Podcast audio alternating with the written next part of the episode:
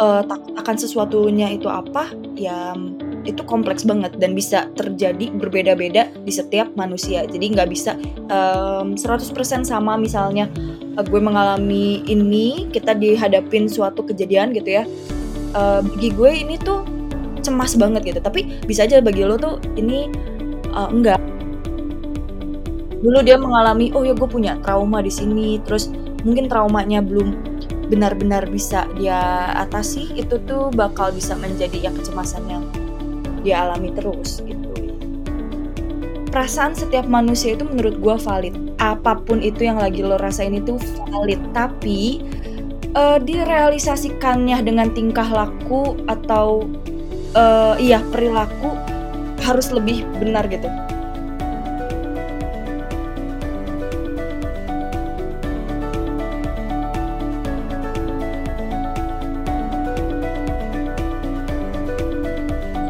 Halo semuanya, selamat datang lagi di podcast Sehat Seutuhnya season yang kedua bersama saya Willy Yonas. Di episode podcast kali ini kita bakal ngebahas lagi ngobrolin soal kesehatan mental. Gak bisa dipungkiri teman-teman kalau kesehatan mental tuh penting banget buat kesehatan.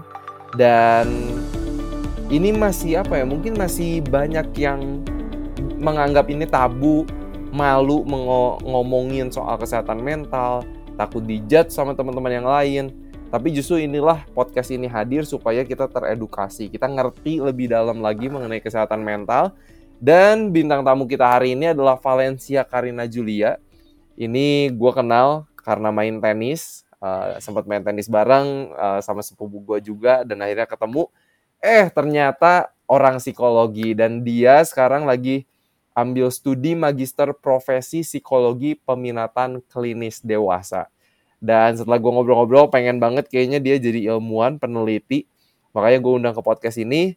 So, please welcome Valencia Karina Julia. Halo. Hai. What's up, KJ? Yes. Gila, gue thank you thank you banget ya. Lu udah bersedia ke podcast nih. Ya, sama-sama. Gue juga pasti uh, makasih banyak buat kesempatannya bisa diundang ke podcast lo. Sounds good. Nih, ini seru nih. Kayaknya uh, eh, gue tertarik banget setelah pas kita ketemu di lapangan tenis. Akhirnya makan malam bareng, ngobrol-ngobrol. Udah gue bilang kayak, nih lu harus deh ke podcast kata gue. Dan nih hari ini kita bakal ngobrol ngobrolin anxiety atau khawatir. Kayaknya buat teman-teman podcast yang lagi dengerin ini juga, kayaknya semua orang pasti pernah khawatir. Setuju? Bener gak sih, Je? Setuju, setuju banget, setuju banget. Pasti, pasti pernah kan? Ya, Pasti pernah pasti pernah, tapi ya mungkin masih banyak ya itu tadi ya yang udah lu mention, uh, masih menganggap kalau ini itu tabu, perasaan cemas ini iya. tabu, di kayak ada yang mendinai ada yang nggak ngerasa atau ya sebagainya gitu, padahal udah dikasih Ya. sinyal gitu dari tubuh. Hmm, benar benar benar. Nah, uh, kayaknya kadang ya, uh, buat gue sendiri, kadang kalau ngomongin anxiety ini kadang tuh kadang terpikirnya kayak oh kita harus punya satu kehidupan yang anxiety free gitu uh, bebas dari kekhawatiran gitu itu sebenarnya realistis gak sih? Um, menurut gue enggak sih sebenarnya nggak menurut gue juga on uh, psikologi teori itu uh, enggak realistis gitu ya. Hmm. Uh, ilmuwan-ilmuwan juga mengatakan kalau misalnya uh, anxiety kita ini nggak bisa bebas bener-bener 100% dari perasaan cemas gitu ya atau uh, anxiety gitu. Kenapa? Karena ya itu udah respon alami dari badan kita gitu. Selain respon atau hmm. bisa juga kita sebut um, tadi yang udah gue mention kalau itu tuh sinyal gitu ke ke badan atau ya, ya. ke otak kita ketika kita sedang merasa lagi cemas gitu. Jadi nggak mungkin gitu. Bener-bener dari anxiety tuh nggak impossible banget gitu. Jadi sebenarnya yang lebih penting adalah gimana kita belajar coping sama itu gitu kan? Betul.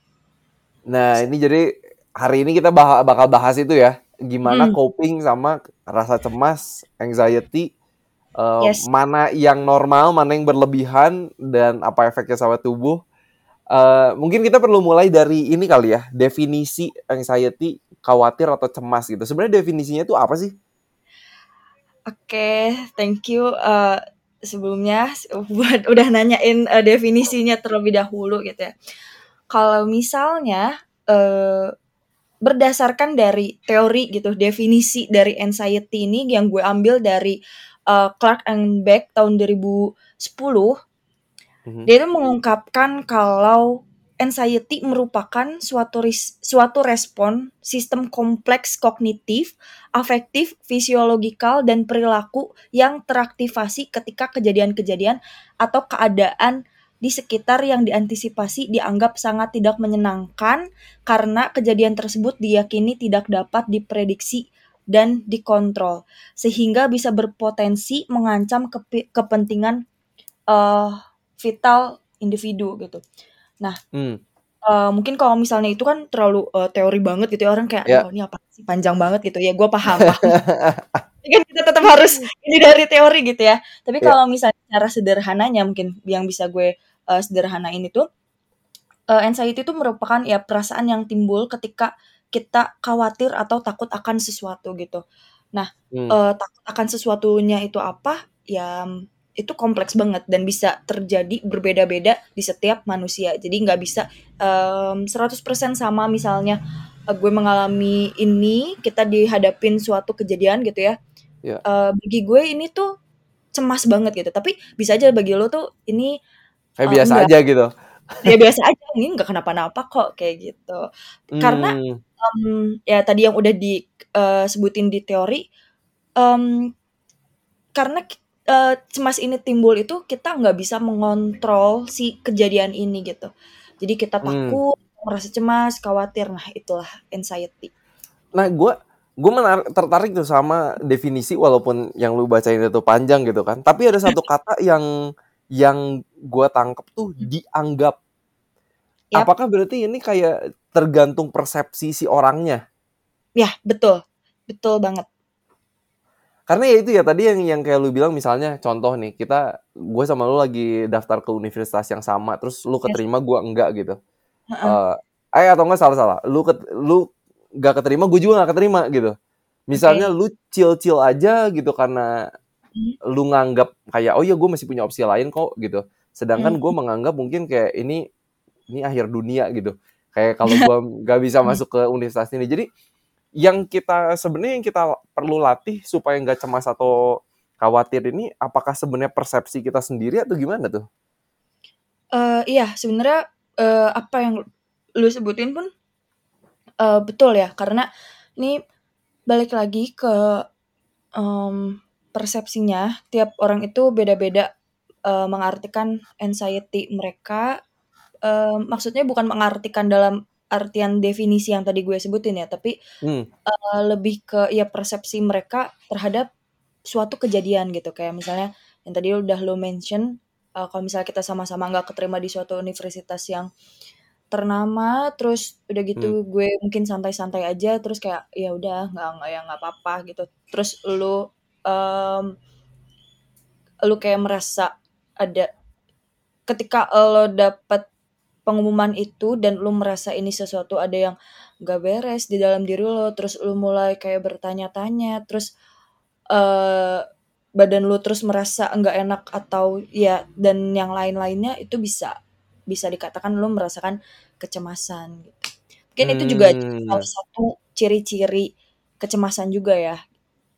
Oke, okay, nah, karena karena lu mention uh, ciri-ciri kecemasan ini yang yang umum ya, yang banyak dialami itu biasanya apa aja sih?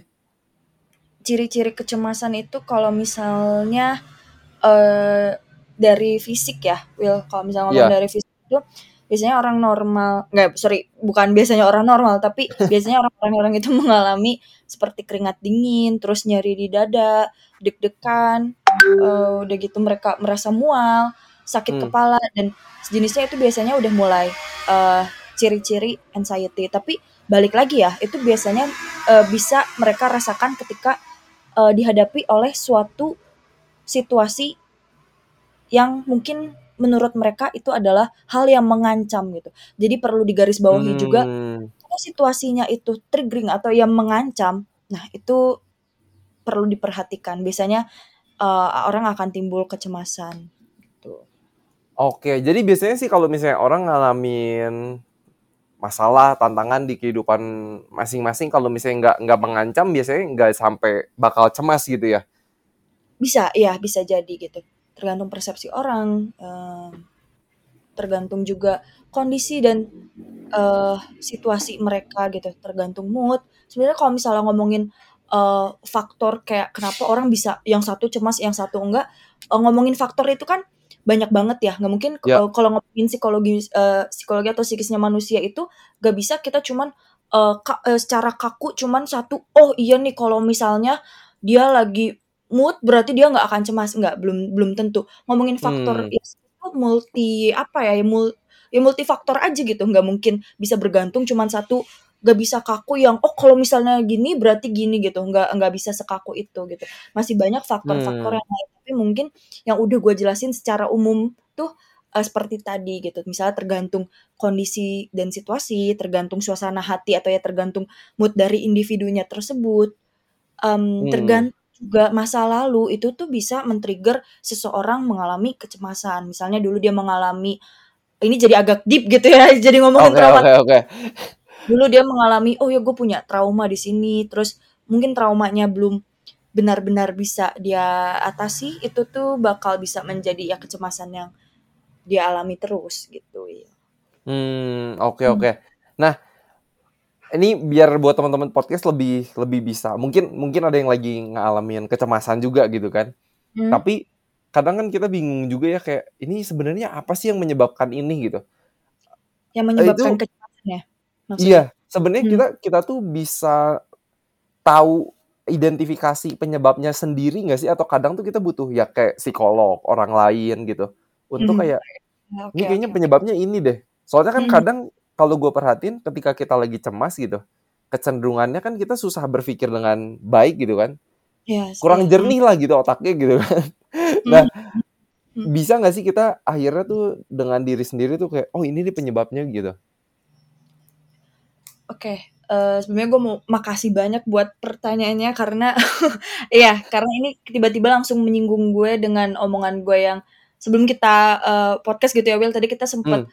uh, ngobrol kan kalau misalnya anxiety ini salah satu, uh, salah satu kondisi yang dihindarin orang-orang pada umumnya.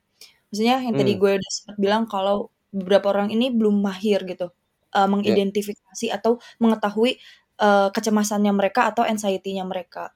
Ya karena itu tadi kita balik lagi mereka menganggap ini tabu. Terus bisa jadi hmm. ada stigma-stigma gitu kayak uh, eh ini nggak mungkin lah nggak nggak gue nggak cemas ini gue nggak cemas gue kan uh, ini misalnya ya misalnya gue anak uh, cowok gue cowok terus gue nggak nggak boleh nggak boleh cemas gitu terus mereka jadi deny mereka buang jauh-jauh padahal gue tuh bingung kayak uh, kenapa sih nggak boleh cemas lu cowok tapi manusia nggak boleh nggak boleh cemas sih gitu jadi kayak yeah. contohnya kayak gitu kan ya itu makanya balik lagi jadi duh and, uh, mental health ini jadi hal yang tabu gitu dan kalau bisa hmm. ditarik ya mereka deny perasaan-perasaan uh, negatif mereka kayak salah satunya anxiety gitu terus udah gitu bisa juga karena tuntutan misalnya kita udah ke influence dengan uh, omongan orang-orang di sekitar kita misalnya um, nggak boleh cemas nggak boleh cemas. Kalau misalnya cemas jadi ini ini ini ini ini. Nah kata nggak boleh ini harus digaris bawahin gitu. Hmm. padahal sebenarnya boleh. Gue ulang sekali lagi padahal sebenarnya boleh. Kita boleh, boleh cemas ya. Boleh karena itu deh yang tadi gue bilang uh, cemas itu normal banget normal banget. Dan hmm. um, itu respon alami gitu. Kita udah nggak bisa ya. menghindari gitu kan. Nah tapi buat balik lagi ke penyebabnya sebenarnya untuk uh, gue lihat sendiri kalau untuk ngeidentifikasi nge ngeidentifikasi penyebab anxiety apa uh, sebenarnya kalau misalnya gue tangkap gitu dari beberapa sumber yang udah gue baca hmm. uh, mengidentifikasi anxiety itu sulit gitu kenapa sulit hmm. karena setiap orang itu mengalami uh, hal yang berbeda-beda gitu tadi kan kita sebenarnya udah bilang gitu kan karena tiap orang nih beda-beda gitu si cemasnya gitu. Jadi mereka nih gak gak gitu paham gitu dengan ini tuh cemas apa bukannya atau gimana gitu. Tapi yang bisa gue katakan dari sini itu mungkin penyebab dari anxiety ini tuh, mmm, anxiety akan memberikan semacam sinyal atau peringatan yang langsung, mmm, nge-trigger otak kita gitu ya, ngasih kayak, Oke. oh ini ada bahaya khusus nih atau atau kayak sejenis ngasih tahu ada yang nggak beres gitu di di otak kita. Nah, Mmm. itu udah bisa jadi mulai anxiety, udah bisa kita bilang kalau, oh itu ini tuh kita lagi cemas gitu. Paham nggak maksud gue? Mmm. Maksudnya ketika lo lagi di dihadapin situasi gitu ya, situasi atau Oke. kondisi, terus menurut lo ya, persepsi lo ini tuh, mmm, tegang lah, Ya. mmm, cemas gitu dan mengancam atau lu nggak bisa mengontrol kejadian ini gitu. Nah, Mmm. itu tuh lu sadar kan, lu aware kan dan otak lu Ya. akan ngasih sinyal, "Aduh ini gimana ya kalau misalnya gua nggak bisa," gitu. Atau contoh gampangnya deh yang langsung spesifik, eee, lo, eee, pernah takut apa nggak Wil? Atau misalnya, eee, lu ketemu oh gini gini, lu misalnya ketemu sama orang tua, misalnya kalau lu punya cewek gitu terus ketemu Ya. orang tua cewek, terus nggak pernah nih sebelumnya, nggak pernah, terus mau ngomongin suatu hal yang penting banget. Nah itu lu pasti mengantisipasi gitu kan kayak, Ya. "Aduh ini bakal ngomongin apa aja ya?" Lu kayak bakal ngeidentifikasi, terus lu bakal berpikir sesuatu hal yang padahal belum tentu terjadi gitu. Betul. Terus iya kan, kayak ini bakal Ya. ngomongin apa aja, kayaknya bakal ngomongin ini, itu, ini, itu. Itu tuh otak, otak kita tuh lagi berpikir, nah itu tuh bisa digarisbawahi itu lo lagi mengalami cemas gitu. Di otak Mmm. lo kayak mengantisipasi itu dan menurut lu itu tuh sesuatu yang mengancam karena lu sebelumnya itu belum ada mmm, belum ada tuh Pengalaman. iya di situasi itu. Maka otak lu tuh akan mengasih sinyal. Nah itu yang gua maksud dengan, eee, anxiety gitu. Nah Mmm. ya sebenarnya belum apa, ya gue belum apa ya, belum belum tahu pasti karena balik lagi tiap orang tuh beda-beda gitu. Bisa aja misalnya Mmm. di kita compare dengan orang lain, beberapa orang lain, ada yang, "Oh iya, eee, enggak biasa aja," ya udah tinggal ngomong aja gitu chill. Tapi bisa aja ini suatu hal yang triggering lu gitu, terus lu jadi, mmm, cemas gitu kan, lu jadi cemas, terus otak lu berpikir, terus, eee, badan lu juga jadi merasakan kayak sesuatu hal yang, aduh ini kayak nggak enak gitu. Nah Mmm. gitu. Nah itu itu gu gua menarik sih, eee, tertarik sih sama apa yang lu bilang gitu. Karena Mhm. tiap orang tuh kan beda-beda ya. Betul, mhm. Eee, kadang kan ya ini juga udah pernah terjadi lah di kehidupan gua gitu. Eee, gua Betul. misalnya ngomong ke temen gitu, kayak, Heeh. "Masa lu kayak gitu aja" apa ya, khawatir sih gitu kan. Eee, mhm. kayaknya gua undermining kecemasan dia gitu. Oke, iya. Nah, kayak gitu tuh sebenarnya salah salah nggak sih? Hmm, nah ini ini jujur agak menjebak Wil sebenarnya kayak misalnya gue bilang salah pasti, eee, enggak itu apalah tapi tapi yang mungkin gue mau berusaha netral gitu ya. Iya.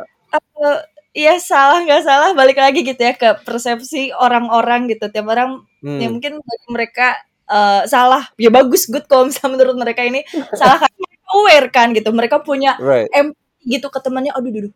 Mereka juga jadi ngasih sinyal kan, sebenarnya empati ini Mmm. kayak, eee, jembatan gitu ya, kayak ngasih sinyal, oke aware gitu jadi, oh sorry ini mungkin jadi yang tadi lo bilang yang, eee, main atau jadi underestimate si temen lo Iya. ini, itu juga nggak apa-apa, tapi kalau misalnya menurut mereka betul, iya udah nggak apa-apa juga.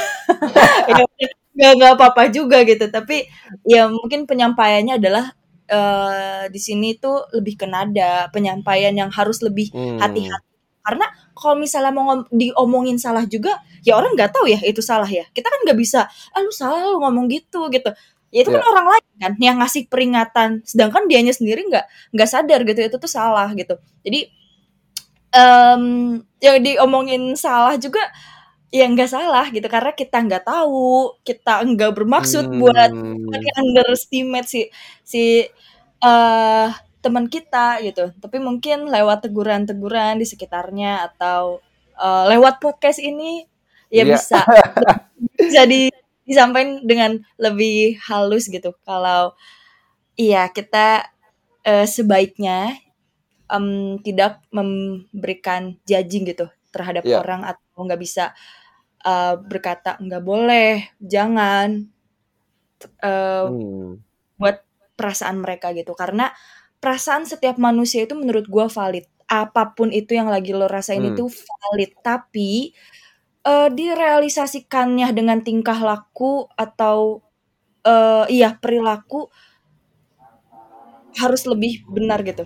Ngerti nggak maksud gue? Jadi kayak Hmm. lo rasain valid kayak misalnya orang ini jadi agak ke mana-mana tapi nggak apa-apa kan Will? Nggak apa-apa kan? Jadi mengedukasi. Tapi misalnya kayak em, ya mungkin buat kalian di sana yang ngerasa kayak eh wah ngerasa macem-macem gitu. Gue cuma Hmm. bilang ya apa pun yang lo rasain valid gitu. Tapi mungkin tingkah laku atau perilaku yang eh, lo jalanin ke depannya mungkin itu yang harus bisa kita pilih lagi lebih mateng gitu. Hmm. Gue gue suka sih sama jawaban lu sih karena kalau menurut gue itu wise ya. Maksudnya kayak setiap kondisi beda lagi gitu kan balik gimana Ya. cara kita nyampainnya, gimana cara Hmm. orang itu nangkepnya juga gitu kan eh, dari apa yang kita sampaikan. Eh, tapi mungkin ya kita lebih perlu lebih hati-hati aja lah ya. Ya. Jangan ya itulah eh, dari kata-kata gitu kan kayak kita mungkin cuma ngomong dikit tapi ternyata bisa nyakitin hati orang terus malah malah jadi bikin Ya, makin ya. cemas gitu kan. Ya kita who knows kan. benar benar benar. Cuman balik Nah lagi ini gitu. Karena kita kan ya nggak bisa kontrol gitu omongan orang jadi iya ya udah jadi diri sendiri aja yang mungkin lebih wise untuk em, mengambil tindakan dari apa yang mereka omongin gitu. Cuman gue juga setuju hmm. banget kalau eh, emang kata-kata itu perlu kita buat eh, lebih hati-hati lagi gitu ya disampaikannya dengan lebih bijak gitu Hmm. Wi. True benar-benar benar. Nah ini gue juga pengen tanya tuh soal kalau ngomong soal kecemasan gitu Hmm. sebenarnya tuh ada tingkatannya nggak sih dan kira-kira tuh kapan sebaiknya kita ke psikolog? Untuk ngobrolin eh, tingkat kecemasan ya. Hmm. Em, nah ini Will yang gue bilang kalau ini gue masih agak gak belum terlalu mempelajari gitu ya tentang Hmm. eh, tingkatan-tingkatan kecemasan itu eh, dari mana aja sih maksudnya dari rendah, sedang, tinggi Ya. atau s- sedang eh rendah, sedang, tinggi, tinggi sekali gitu gue masih eh, masih belum tahu. Cuman yang gue pahamin itu ini yang gue pahamin ya. em, Ya. kalau kecemasan itu ada yang normal dan ada yang nggak normal gitu. Yang nggak normal Hmm. ini tarik lebih jauh dan menjadi atau mengakibatkan eh, suatu gangguan kecemasan atau anxiety disorder gitu. Oke. Udah Normal masuknya itu. jadi disorder gitu ya? Ya bener bener bener. Mungkin ini terlalu deep gitu, terlalu jauh buat di- dibahas. Nah kap- tapi kapan lu tahu sampai itu tuh abnormal gitu? Mana batasnya kecemasan kita itu normal, Nice. mana nggak Hmm? mana nggak sampai mana nggak abnormal gitu? Oke, gue suka banget nih pertanyaannya, setuju nih karena akan menarik menarik ke itu gitu gitu ya. Eh, untuk tahu ini batasan eh, cemas yang normal apa enggak itu em, paling mudah itu kalau kita bisa lihat kalau bisa kita lihat atau bisa kita rasa kalau kecemasan ini mengganggu aktivitas kita. Aktivitas Hmm. keseharian. Ya kalau misalnya cuman sehari dua hari ya it's okay menurut gue ya. Ya. Kalau misalnya lu aduh gak, eh, gak bisa tidur ini nilai jelek. Terus udah be- berapa lama baru mengalami? Iya baru semalam. Oh ya udah. Ya nggak apa-apa lah. Itu butuh istirahat gitu. Dan balik Hmm. lagi ya, wajar wajar normal gitu. Karena Ya. yang nggak mungkin lah kita nggak ngalamin situasi atau kondisi nggak enak itu. Aduh nggak mungkin. Nggak Ya. mungkin banget. Tapi eh, itu tadi. Kalau misalnya baru sehari mungkin em, dua hari dan eh, cuman atau bisa dikatakan hanya aktivitas tertentu yang terganggu misalnya lu kan seharian nih banyak nih aktivitas gitu ya terus Ya. cuman eh, jam tidur yang harusnya jam 10 jadi jam 2 atau jadi jam 3 dan itu cuman terjadi sekali dua kali eh, ya oke gitu Hmm. di, di beberapa waktu ke depan juga itu terjadi lagi cuman ya mungkin it's okay gitu karena balik lagi yang gue bilang itu normal wajar gitu nah Hmm. tapi yang bisa dibilang enggak normal itu kalau misalnya udah mengganggu aktivitas lo hampir secara keseluruhan di Hmm. berhari-hari dan lu sampai em, daya hidup lu jadi nggak aktif gitu ya jadi pada jadi pada Ya. nggak aktif itu mulai mulai harus aware sih gitu. Misalnya kalau patokan psikologi ini seingat gue untuk beberapa hal termasuk kecemasan itu dua minggu deh perasaan. Jadi Dua minggu. itu dua minggu ya atau 14 hari gitu. Itu Hmm. kayak seperti itu terus dan itu mulai bisa lo cek ke uh, psikolog gitu ya menyambung ke Hmm. pertanyaan tadi kapan kita bisa ke psikolog gitu. Itu kalau misalnya sudah sangat mengganggu gitu sampai nggak bisa makan ya orang sampai Hmm. nggak bisa tidur terus pusing kepala secara uh, berhari-hari itu perlu em, perlu di perlu dicek sih ke psikolog itu perlu kita Hmm. tuangkan apa yang menjadi em, penyebab kita eh cemas gitu Ya. gitu Oke oke, ini ini ini tips bagus sih. Eh, supaya kita tahu juga kira-kira kayak kurun waktunya dalam waktu berapa Yes. lama gitu kan. Dan Iya. ini buat teman-teman yang lagi dengar podcast by the way, jangan takut ya ke psikolog. Hmm, Eh, betul, setuju ini ini penting banget sih karena ya kan kita yang sering kita dengar kan kayak ah emang lu lu gila gitu atau apa kan. Maksudnya kita Mm-mm. gampang banget gitu ngeluarin kalimat kayak gitu tapi Mhm. eh, it's fine gitu karena yes emang Heeh. lu butuh pertolongan dari orang yang udah sekolah, udah yang emang bidangnya di situ gitu kan. Eh, it's fine gitu untuk pergi ke psikolog. Yes ini nih ya, yang gue pengen tanya nih, kalau misalnya, Mas- halo kenapa? halo sebelum masuk gue mau ngasih reminder dulu nih buat Oke teman-teman oke yang boleh boleh boleh. ya sedikit. Tadi kan gue sempet mention nih soal uh, anxiety disorder gitu ya. Terus Ya uh, yang gue tarik yang ini tuh sebuah ya kalau misalnya ditranslate dalam bahasa Indonesianya adalah gangguan kecemasan gitu. Gangguan ya. kecemasan itu lebih deep daripada normal pada umumnya gitu. Nah, Hmm. ini bukan berarti acuan uh, teman-teman semua buat jadi ngediak ngediagnos diri sendiri gitu ya. Jadi bukan kayak self Hmm. diagnos mereka untuk oh udah dua minggu oke gue jadi gue mengalami anxiety disorder enggak enggak enggak enggak enggak Right, itu jangan jangan jangan. banget salah banget karena tetap harus ke psikolog buat sampai kita yang mendiagnos untuk oh eh, ini udah mulai eh, disorder gitu tapi itu pun nggak cuma sekali kalian ke sana terus langsung dapet diagnosnya itu biasanya itu Hmm. Gak biasanya sih itu hampir banget nggak mungkin terjadi gitu karena psikolog juga perlu mengidentifikasi beberapa hal dari dari diri lo dari apa yang terjadi sama eh, diri teman-teman semua tuh eh, perlu gitu Hmm. jadi nggak cuma sekali eh, screening terus konseling atau ngobrol atau eh, iya dengan ap- eh, pendekatan lainnya tuh nggak nggak mungkin sekali beres gitu nggak mungkin sekali sesi oh ya udah Hmm. selesai gitu perlu beberapa eh, perlu beberapa atau mungkin lebih dari beberapa yang teman-teman harapkan gitu untuk dapat jawaban pasti dari psikolog gitu. Jadi kalau misalnya memang udah merasa ganggu banget eh itu yang tadi udah gue sebutin sampai udah nggak bisa ini itu terus Hmm. hilang minat atau apa pun yang lainnya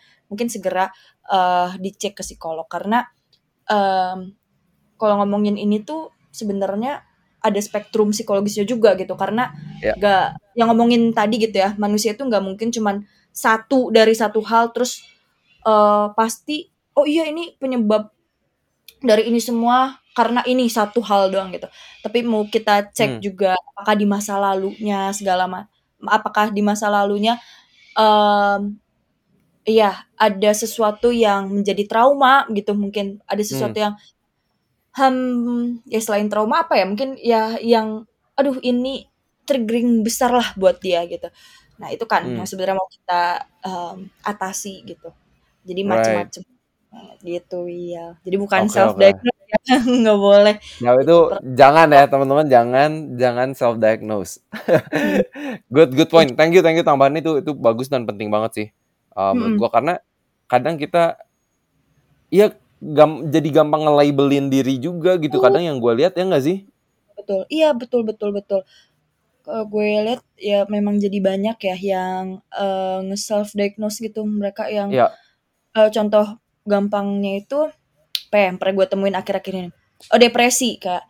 Ya. Eh, ini gue depresi nah sebenarnya de se semudah dengan istilah depresi aja itu harus ke, ke psikolog loh. Depresi itu Iya. kompleks banget aslinya. Nggak cuman yang lo sedih sedih beberapa hari terus lo depresi enggak enggak eh, itu sedih Hmm. itu lagi balik ya sedih juga wajar dan nggak Ya. mungkin sih menurut gue sedih itu dalam sekali waktu semenit oh ya udah beres nih sedih gue Eh, itu mungkin lo Right. bisa jadi lu kurang peka dengan diri lu mungkin bisa jadi lu deny gitu apa Right. nih cuman di semenit mungkin mungkin lo deny gitu sedih wajar kok dalam beberapa waktu dan kita kembali lagi tiap orang beda-beda mempersepsi sedihnya tapi selama lo masih Hmm. bisa meregulasi itu dengan baik dan lo masih bisa beraktivitas em, dan tidak mengganggu ataupun ya lo masih oke-oke saja gitu ya lo masih bisa Hmm. eh, berfungsi gitu secara manusia secara normal itu oke kok gitu mau lu sedih lima Hmm. hari segala macam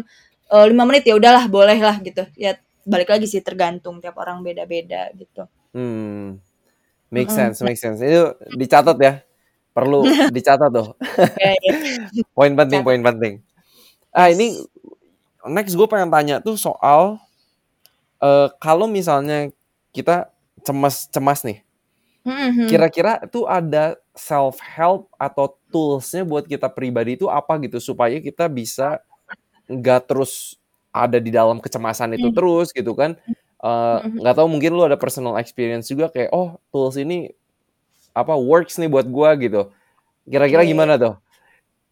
Oke, thank you buat pertanyaannya. Mungkin self helpnya, um, mungkin ini lebih ke personal experience gue aja kali ya, boleh ya? boleh, boleh, boleh, boleh. Ini seru nih. Yang gue Mung- tunggu-tunggu. ini ya, udah kalau gitu gak, gak, gak bercanda bercanda. Um, ya, um, mungkin gue juga sekalian mau sharing juga gitu ya. Meskipun gue orang psikologi gitu, Hmm. uh, S1-nya juga psikologi dan sekarang bertemu lagi di psikologi gitu. Ya. Dan sebagai penggiat psikologi pun, um, gue ini seorang atau individu yang mengalami kecemasan yang tinggi gitu. Hmm. Mungkin dari yang denger podcast ini ada beberapa yang kenal gue, aduh gila gue pede banget ya, tapi nggak apa-apa. Eh, ini ada yang kayak, hah masa sih cemas eh, punya kecemasan yang tinggi padahal kalau ngeliat gue nih kayak fun, ceria gitu Ceria ya. kan kayak fun, ceria, tapi ternyata punya kecemasan yang tinggi, ya itu bisa bisa terjadi sama setiap orang gitu atau bisa Hmm. gue em, ya sharing gitu. Cemas tuh nggak nggak mandang siapa pun lah gitu. Siapa pun Hmm. bisa terjadi terjadi atau diliputi dengan kecemasan mau itu lo orang psikologi mau apa eh lo, lo pada orang tenaga eh, tenaga kesehatan gitu lo eh, Sangat bisa. happen gitu buat kalian tuh sangat bisa. Ya. Nah, gue termasuk gitu punya eh, kecemasan yang tinggi. Em, terus itu udah gue alamin cukup lama dan akhirnya ketika gue sadar gue punya kecemasan yang tinggi ini ketika dihadapkan suatu situasi yang eh, menurut gue krusial dalam hidup gue ini krusial terus Oke. itu menghambat gue jadi dinam- dinamikanya ini awalnya tuh gue wow em, dihadapkan suatu situasi yang eh, krusial terus memberikan eh, respon-respon yang banyak banget di tubuh gua, di, beserta di otak gua, di hati gua juga, eh Hmm. pokoknya segala macam lah. Akhirnya gue merasa ada yang gak beres gitu ya. Eh selama beberapa kurun waktu gue merasa ada yang gak beres, terus em, akhirnya gue sadar, ah ini gue ternyata mengalami eh, kecemasan yang tinggi gitu ya, kecemasan yang Hmm. tinggi, terus efeknya jadi kayak gini, terus menghambat beberapa hal, menghambat juga eh eh, relasi dan yang lain-lain lah gitu di dalam hidup gue. Nah itu Oke. gue sadar, ya. gue langsung oh oke dan self helpnya adalah yang pertama kali gue ke psikolog.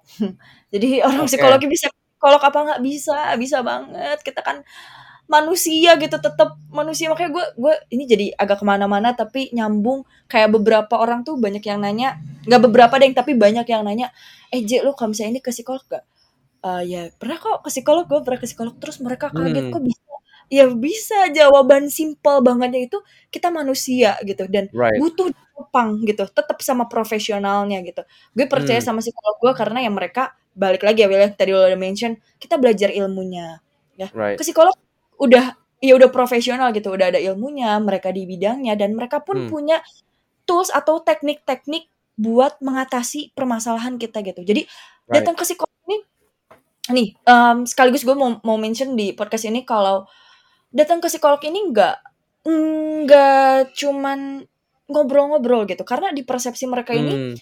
eh, gue nggak gue nggak judging ya tapi ini berdasarkan um, pengamatan empirik gue gitu ya kayak Ya. Uh, atau yang gue baca gitu atau yang gue baca atau yang gue denger uh, ngob- uh, ke psikolog ini cuman ngobrol-ngobrol doang capek Hmm. Enggak kok kita kita nggak ngobrol ya memang betul mungkin terlihatnya atau terdengarnya ngobrol gitu tapi Hmm. sebenarnya lebih ilmiahnya adalah kita ini lagi menggali apa yang lagi sedang terjadi gitu di dalam hidup Hmm. kalian apa yang lagi terjadi apa yang mengganggu bisa sejauh ini. Enggak enggak cuma ngobrol kita juga ada tujuannya gitu. Lo kalau misalnya mau Hmm. ngobrol ya sama sama temen aja gitu. Tapi itu belum tentu help lu kan Ya. gitu. Dan iya kalau kita juga eh, kita kan profesi psikolog juga udah ini ya. Eh, meskipun gue belum jadi psik- eh, psikolog ya tapi em, kita orang-orang psikologi gitu ya udah disumpah secara kode etik gitu. Untuk Hmm. sampai sejauh mana wewenang kita dan yang lain-lainnya gitu. Jadi kayak ya udah gitu gue merasa aman ke psikolog gue langsung ke psikolog em, dan itu tadi nggak cuma sekali de- dengan beberapa kali terus Hmm. dia mengidentifikasi apa yang terjadi di dalam hidup gua atau yang terjadi di dalam diri gua bahkan Hmm. tubuh gua gitu sampai metabolisme tubuhnya juga eh ya terganggu gitu tuh semua happens well dengan kecemasan gue yang Wow. tinggi kayak beneran ke mana-mana gitu kecemasan yang kita alamin dan ini nih em, kalau misalnya kalian abaikan gitu ya atau kalian deny itu Ya. bakal jadi ke mana-mana kalau misalnya nggak bisa diatasin at- dengan baik gitu nah Hmm. akhirnya udah gue ke psikolog itu sebagai bentuk self help gue Em, mahal nggak iya mm, mahal gue sekalian kasih tau aja cukup price cukup pricey tapi demi diri kan mau Right. Betul. diri kan daripada lo mungkin em, lebih buruk dan siapa tahu eh, yang lo keluarkan duitnya lebih banyak lagi ya lebih baik lo men- menolong diri lo gitu. Benar, benar. gue ke, psikolog terus ya udah eh, itu self help gue dan dari situ juga eh, gue dibantu dengan em, berbagai macam terapi gitu ya. Kalau misalnya psikolog itu kan pendekatannya atau ya obatnya gitu ya eh, Ya. dengan terapi gitu ya. Approachingnya tuh dengan psikoterapi. Nah nah dari situ eh, dari terapi itu juga eh, ada beberapa macam tools gitu yang buat ngebantu gue untuk em, bisa mengatasi kecemasan gue dengan lebih lebih bijak atau dengan lebih baik gitu.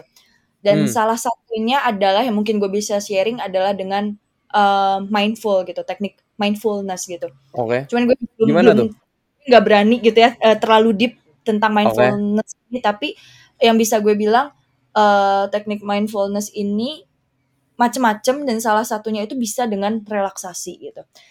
Jadi Hmm. nyangkut atau balik lagi ke topik yang sebelumnya adalah gimana self help ketika lo lagi cemas adalah lo perlu eh, sadar kalau lo lagi cemas dan lo nggak boleh deny itu sama sekali. Contohnya Oke. ketika dihadapkan situasi yang mengancam. Em, gue deh, contohnya deh, gue eh, nanti jadi pada tahu ya, gue takut. Bisa eh, ketika lagi em, dihadapin situasi yang yang nggak bisa kita kontrol atau menurut kita mengancam, kita dan tubuh itu kan langsung tadi ya Will yang gue bilang ya langsung ngasih Ngasih respon respon alami gitu, ya. enak apa nggak nyaman iya pasti itu itu udah itu udah pasti kalau misalnya enggak Hmm. ya lo nggak mungkin mengalami kecemasan kan itu udah Ya. pasti lo eh, dikasih respon atau sinyal-sinyal yang gak nyaman yang gak baik lo harus terima itu. Langkah pertama adalah lo harus sadar dan langsung menerima itu. Jadi Oke. kalau misalnya nggak langsung menerima juga nggak apa-apa tapi at least lo sadar gitu. Karena itu Hmm. bisa salah satu identifikasi buat lo mengenal diri lo lebih jauh kan. Ya. kayak oh gue ini lagi nggak nggak nggak nggak oke nih misalnya gitu. Kayak oh oke gue lagi mau ini dan gue eh, cemas. Misalnya ketemu atasan deh ketemu ketemu atasan bisa oh oke eh, gue dipanggil nih secara tiba-tiba ya udah oke em, nggak apa-apa eh, ya nih oh kayak gue lagi cemas gitu ya atau lo Iya. bisa dengan self self talk gitu kayak eh, lo sebut nama diri lo masing-masing terus eh, oke misalnya gue eh, KJ gitu ya ya oke Hmm. J nggak apa-apa ini memang lagi cemas ya namanya juga ketemu atasan wajar Hmm. hal penting kayak gitu jadi kayak lo self talk tapi self talk yang baik ya kalau misal lu Ya. self talk yang tuh kan atau apa lu jadi makin drop nanti Iya, gitu iya. lu, lu wajarin aja gitu nggak apa-apa Hmm. gitu ya oke lu sadarin dan lu terima itu gitu sadarin mau terima itu secara baik-baik apa pun yang terjadi ini perlu gua garis bawahin apa pun yang terjadi itu enggak apa-apa lu harus terima aja karena itu Hmm. udah udah alami aja gitu dan nggak bisa kita deny gitu Hmm. Oke. Nah, setelah abis lu tahap pertama ya, Mm-mm. sadar menerima, terus eh selanjutnya apa tuh? sadar menerima terus selanjutnya itu gue biasanya ya udah itu sebenarnya balik lagi sih tergantung permasalahannya ya per- tergantung Hmm. situasi tergantung problemnya apa. Tapi setelah gue sadar menerima gue tuh eh, mungkin impactnya kali ya. Impactnya gue bisa jadi lebih rasional gitu. Karena tadinya tuh Hmm. gitu. Dengan tidak adanya mindfulness ini ke mana-mana banget Will gue jadi bisa disebut overthinking ya. Ke mana-mana. Aduh nanti kalau ini ini ini ini. Padahal itu semua belum tentu terjadi. Apa yang ada di otak kita ini aduh gue gue pernah baca ya dari Ya. teori tapi teori banget ini gue lupa eh, penelitian atau teorinya ini dari mana tapi 97% yang ada di eh, otak kita maksudnya yang kita pikirkan buruk itu Mhm. tuh nggak terjadi gitu Man. eh mikir ya oh iya bener juga waktu itu ngapain mikir kayak gini udah gitu nyesel gitu jadi kayak oh ya Right. udah ya apa sih bagus gitu kan lu antisipasi buat diri lo tapi memang jangan terlalu kalut jadi kayak bikin Hmm. skenario ter- tentu terjadi itu tuh bikin fungsi di tubuh lu tuh makin drop gitu efeknya macam-macam Hmm. langsung keringet dingin ya lu jadi apa ya jadi menghambat eh ini gue gue ngambil dari dosen gue ya Ya. dosen gue tuh bilang lu terlalu cemas ini lu tuh eh, kecemasan lo ini bisa menghambat analisis fungsional lo gitu dan bener Hmm. terlalu cemas tuh ketutup semua gitu. Jadi nggak bisa Ya. ngomong. Yang tadinya udah kita siapin karena terlalu terlalu cemas jadi udah kan nggak bisa direalisasikan kan? Ya. percuma kan? Yang udah lu capek siapin eh, lima jam yang lalu lima minggu yang lalu. Jadi ya udah udah ketutup semua sama cemas. Lo tetap harus ya udah ya udah harus tetap sadar lo cemas ya udah Ya. it's okay. Wajar banget. Dan ya udah lo harus tetap berpikir secara rasional gitu untuk mengantisipasi hal-hal yang nggak em, semakin buruk gitu jadi ya udah lo tetap rasional dan ini juga bisa em, menjaga diri lo gitu ya dan Hmm. apa ya supaya em, iya tetap ber- tetap rasional gitu dan gak jadi Ya. mengambil keputusan-keputusan yang mungkin em iya eh, apa ya ngasih Emosional udah gitu jadi salah juga nggak sih? ya betul kalau Di- terlalu emosional juga salah gitu. Itu itu menarik sih karena kalau menurut gue tuh ya dari pengalaman gue pribadi gitu ini kan kayak apa ya battle yang ada di otak kita gitu antara kita mau mindful kayak menerima sadar kalau emang kita cemas atau jadi overthinking gitu kan. Betul betul betul betul. Nah ini tuh Karena- sesuatu yang kayak harus dilatih nggak sih? Eh, iya betul. Eh, menarik banget Will Eh, ngomongin perlu dilatih apa enggak? Iya memang betul perlu dilatih mungkin balik lagi ke pengalaman pribadi gue. Gue biasanya Hmm. itu deny terus jadi nggak dilatih kan? Itu yang ada deny deny Right. terus. Terus itu selama bertahun-tahun gue deny. Gue menghindari gue nggak boleh cemas ini itu ini itulah pokoknya. Hmm. emosi emosi negatif nggak mau gue rasain. Jadi gue deny dan efeknya jadi panjang kan? Jadi berkepanjangan. Em, akhirnya perlu dilatih. Nah ngomongin perlu dilatih betul perlu banget. Tapi em, ini juga nggak cuman dalam sekali waktu. Gak perlu nih Hmm. ya kayak kasarnya gini deh. Gue cemas ya dengan masalah bertahun-tahun gitu otak gitu. Dan itu kan bentuk pola perilaku pola pemikiran dan yang lain-lainnya selama bertahun-tahun. Kan nggak Ya. mungkin sekali latihan oh oke gue eh, bebas banget nih dari cemas gue udah nggak akan Hmm. pernah cemas tinggi itu itu itu nggak mungkin. Itu nggak mungkin banget. Jadi kalau misalnya ditanya perlu dilatih apa enggak perlu banget dan eh, mungkin ini sebenarnya lebih ke reminder buat teman-teman. Kalau kalian perlu ini betul perlu dilatih tapi jangan berharap untuk sekali latihan langsung beres gitu. Ya enggak. Balik lagi ya. Iya betul berproses. Nggak enak. Iya emang. Siapa yang siapa yang bilang itu enak gitu? Enggak. Oh ini jadi balik lagi ke healing gitu ya. Ya. healing itu eh, nggak enak teman-teman. Healing itu bukan liburan. Itu perlu gua garis bawahin. Healing itu bukan liburan kalian ke Bali ke Bangkok ke Singapura ke mana pun itu healing itu bukan bukan healing itu eh, istilah Hmm.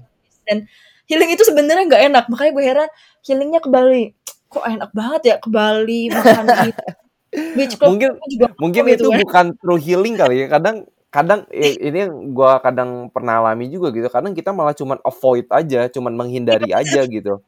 Iya kan? Iya, udah balik dari Bali cemas gak? sering banget. I- Cemas itu lagi dia, Hmm. itu dia. Dan ini mungkin nih ini ini tip, tips bagus banget ya buat teman-teman ya. Eh, apa? Mm.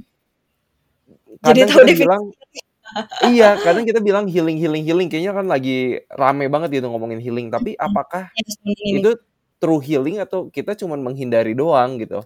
Betul, Karena betul, betul. kalau menghindari doang kan ya ya kayak lu bilang gitu, balik lagi ke situasi kita, balik ke rumah misalnya kalau masalahnya di rumah atau di tempat kerja, udah gitu ya cemas lagi gitu. Jadi Hmm, betul, betul. what for gitu kan? Kayak maksudnya eh, mungkin membantu tapi kayak nggak yang nyelesain dari akar masalahnya gitu loh. Iya nggak sih? Hmm, Betul, setuju banget, setuju banget. Jadi ya udah emang memang sebenarnya perlu diselesaikan ya. Tergantung juga, em, tergantung juga cemasnya ini cemas dari mana sumbernya. Kalau misalnya Right. cemas ini dari eh, sesuatu yang benar-benar kita nggak bisa kontrol, ya itu mau nggak mau kita harus terima ya. Kita Ya. harus terima dan ya udah kita bikin keputusan mungkin em, dari perilaku atau tingkah laku kita yang lebih wise gitu. Jangan sampai ngerugiin em, diri sendiri gitu, nggak ngasih impact yang nggak bagus buat diri sendiri. Em, Ya. tadi sampai mana ya Will? Ya gue jadi lupa. Self Ber- help ya. Ya self help, mindfulness, menerima, Mm-mm. eh, sadar kalau emang lu lu cemas gitu. Mhm. Iya, dan eh ya perlu dilatih apa enggak? Iya Yes. intinya benernya perlu, tapi ya teman-teman juga jangan berharap dengan sekali dua kali beres terus oh ini gue udah latihan tapi tetep nih cemas gue masih ada. Ya iya wajar tadi kan udah balik lagi ya. Cemas ya wajar banget. Kita nggak mungkin lah nggak hindarin hal-hal nggak enak, hal-hal nggak nyaman di hidup kita. Aduh itu nggak nggak mungkin deh. Bakal ada aja gitu. Karena apa? Hmm. ya kita nggak bisa mengontrol segala situasi nggak bisa semua rencana bisa kita pegang gitu nggak bisa gitu jadi bakal ada aja gitu hal-hal yang membuat kita cemas ya dong kita hidup cuman satu dari mungkin miliaran orang di dunia. Kita nggak Hmm. tahu orang mau ngapain kita. Kita nggak tahu bakal apa yang akan terjadi di depan harinya itu. Nggak nggak bisa gitu. Yang perlu Hmm. yang perlu eh, terima di sini adalah lo sadar. Yang paling eh, awal itu lo sadar lo lagi cemas. Ya kemudian lo harus bisa menerima ya ini happen gitu buat lo. Dan kita nggak Right. bisa ngontrol gitu Dan kalau halnya itu nggak bisa lu kendaliin, ya udah lu terima. Tapi kalau misalnya ternyata kecemasan kita datang dari hal yang ternyata bisa kita kendaliin, berarti kita juga harus dat apa ya cari solusi juga nggak sih? betul betul betul misalnya gampang menyerah terus kalau juga bahaya ya kalau misalnya oh ya kita menerima terus udah nggak ngapa-ngapain Eh, menurut gue Right. mungkin salahnya ya kok jadi menyerahnya cepet banget gitu padahal daya juangnya jadi nurun gitu ya itu nggak bagus juga gitu ya Hmm. wise wise aja lah pokoknya perlu Oh, rasional sih jadi logika kita juga perlu aktif gitu ya hmm, gitu benar daya benar hidupnya benar. aktifin gitu Right. Dan dan Iya. kalau buat gue sendiri nih kalau misalnya emang gue lagi apa ya, ya cemas atau khawatir gitu, salah satu yang nolong gue untuk bisa berpikir lebih jernih lah ya. Sebenarnya Hmm. olahraga sih kalau buat gue. oh nice olahraga apa lu lari doang ya Gue lari eh lari di lari di bener hutan gitu kan kayak maksudnya lu apa ya? hmm. nggak tahu ya. Oksigennya bagus, darah lu Hmm. lancar terus kayak buat gue tuh kayak eh bisa berpikir lebih jernih lah gitu. Iya iya iya. Eh boleh tuh, mau dong gue diajak ke hutan. Bener bener ya. bener. Jangan jangan main tenis doang ya, nanti kita ke hutan juga. Iya iya iya. Gue suka lari, cuman ya itu milih-milih larinya. Enggak semua. Fun sih, Oh, karena banyak juga Hmm. ada ya apa ya orang yang menjadikan lari itu dalam tanda kutip Hmm. sebagai terapi gitu. Hmm, hmm. buat mereka kayak ya buat mereka juga kayak misalnya ada yang lari kayak pengen bener-bener nggak pegang HP gitu-gitu kan supaya Hmm, ya detaching dulu lah supaya hmm, mereka otaknya lebih lebih jernih dulu gitu. Bener bener bener. Setuju. Jadi mungkin dialihkan sesaat juga gitu ya. Hmm. Oke, ini buat teman-teman yang lagi po denger podcast Sehat Seutuhnya, uh, kayaknya teman-teman bakal oke banget kalau teman-teman nyatet lagi denger denger podcast ini, karena gue sendiri juga ba banyak belajar, uh, banyak take away juga yang yang gue dapet, uh, bahwa nomor satu, cemas itu wajar, normal, manusiawi, sekalipun kita udah tahu teorinya, kita tahu ilmunya, itu wajar, dan jangan deny itu kita embrace jangan karena oh kita cowok kita anak paling besar gitu kan kayak oh harus tangguh terus. Uh, jangan kayak gitu uh, karena cemas itu normal. Dan jangan dibiarinin terus ya kata kayak kata KJ tadi. Kalau misalnya kita biarinin terus ya nggak sembuh sembuh aja gitu si si cemasnya dan jangan hmm. self diagnose itu penting banget jangan self diagnose uh, kita perlu cari pertolongan dari tenaga profesional juga ke psikolog. Jangan takut. Mungkin ya kayak kayak tadi lu bilang ya Jay ya, mungkin agak mahal, tapi apalah itu kalau misalnya lu menderita terus gitu kan untuk mm untuk ke depannya gitu. Uh, jadi dan harus sabar teman-teman berproses uh, untuk menerima, untuk uh, melatih pikiran kita ya tadi ya supaya ini antara kita mau deny atau kita menerima ini harus dilatih terus berproses nggak bisa kayak sekali langsung jadi uh, harus sabar banget. Nih J dari lu ada yang lu mau tambahin lagi nggak nih uh, sharing buat teman-teman yang lagi dengar podcast nih?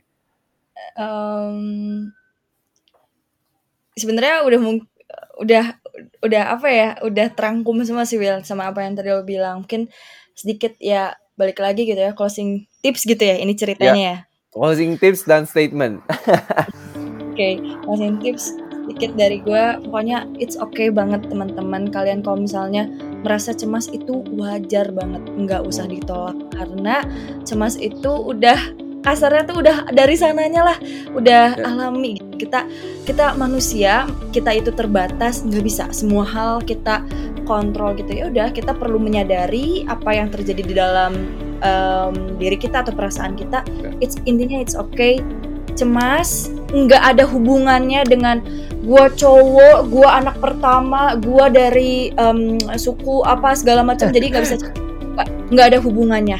Cemas itu bisa mengham uh, cemas itu terjadi di siapa pun siapa pun jadi it's okay to feel cemas. Ya kita aja dari gue mungkin Alright, ini seru banget Jay bisa ngobrol sama lu. Masih banyak banget lagi pengen eksplorasi topik mental health uh, sama hmm. lu. Nanti gue bakal undang lagi.